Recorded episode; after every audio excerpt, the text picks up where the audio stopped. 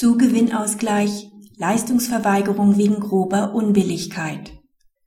Erwirbt ein Ehegatte einem hälftigen Miteigentum der Eheleute stehendes Grundstück im Rahmen einer Teilungsversteigerung nach Beendigung des Güterstands weit unter Wert, steht dem anderen Ehegatten im Zugewinnausgleichsverfahren ein Leistungsverweigerungsrecht wegen grober Unbilligkeit zu. Die Parteien sind seit August 2006 geschieden.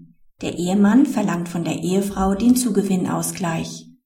Die Ehefrau meint unter anderem, dass die Durchführung des Zugewinnausgleichs in Höhe von 55.803 Euro grob unbillig ist. Die Eheleute wurden während der Ehe hälftige Miteigentümer eines Hausgrundstücks im Wert von 200.000 Euro.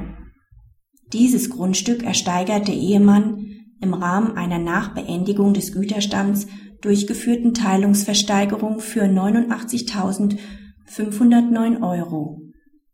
Der Erlös beträgt abzüglich der Kosten für jeden Ehegatten 19.190 Euro.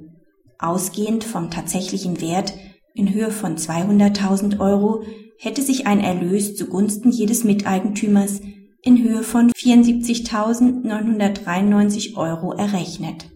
Nach dieser Vergleichsberechnung erleidet die Ehefrau wegen des niedrigen Versteigerungserlöses eine Mindereinnahme von 55.803 Euro. Das Amtsgericht verurteilt die Ehefrau zur Zahlung von rund 59.000 Euro Zugewinnausgleich.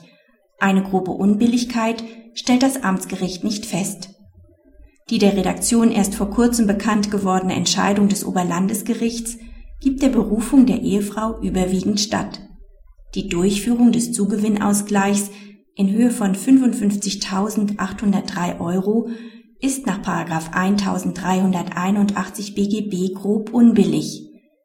Der wirtschaftliche Verlust der Ehefrau in Höhe von 55.803 Euro ist durch den Erwerb des Alleineigentums allein dem Ehemann zugute gekommen. Dass die Teilungsversteigerung erst nach Beendigung des Güterstands erfolgt, steht einer anderen Beurteilung nicht entgegen.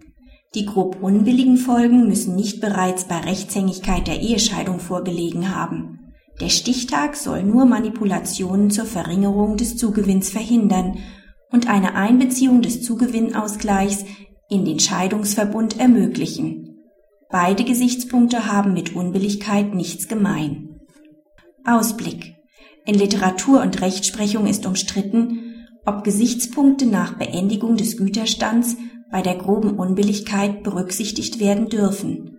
Nach einer Ansicht ist durch den Gesetzgeber bestimmt, dass Entwicklungen zwischen Bewertungsstichtag und Ausgleichsforderung ausschließlich nach 1378 Absatz 2 BGB zu lösen sind. Die andere Ansicht, der das Oberlandesgericht Köln gefolgt ist, sieht Paragraph 1378 Absatz 2 BGB nicht als Spezialvorschrift an. Der Meinungsstreit wird ab dem 1. September 2009 infolge der Güterrechtsreform neu entfacht werden, denn Paragraph 1378 Absatz 2 BGB Entwurf bezieht sich zukünftig ebenfalls auf die Rechtshängigkeit des Scheidungsantrags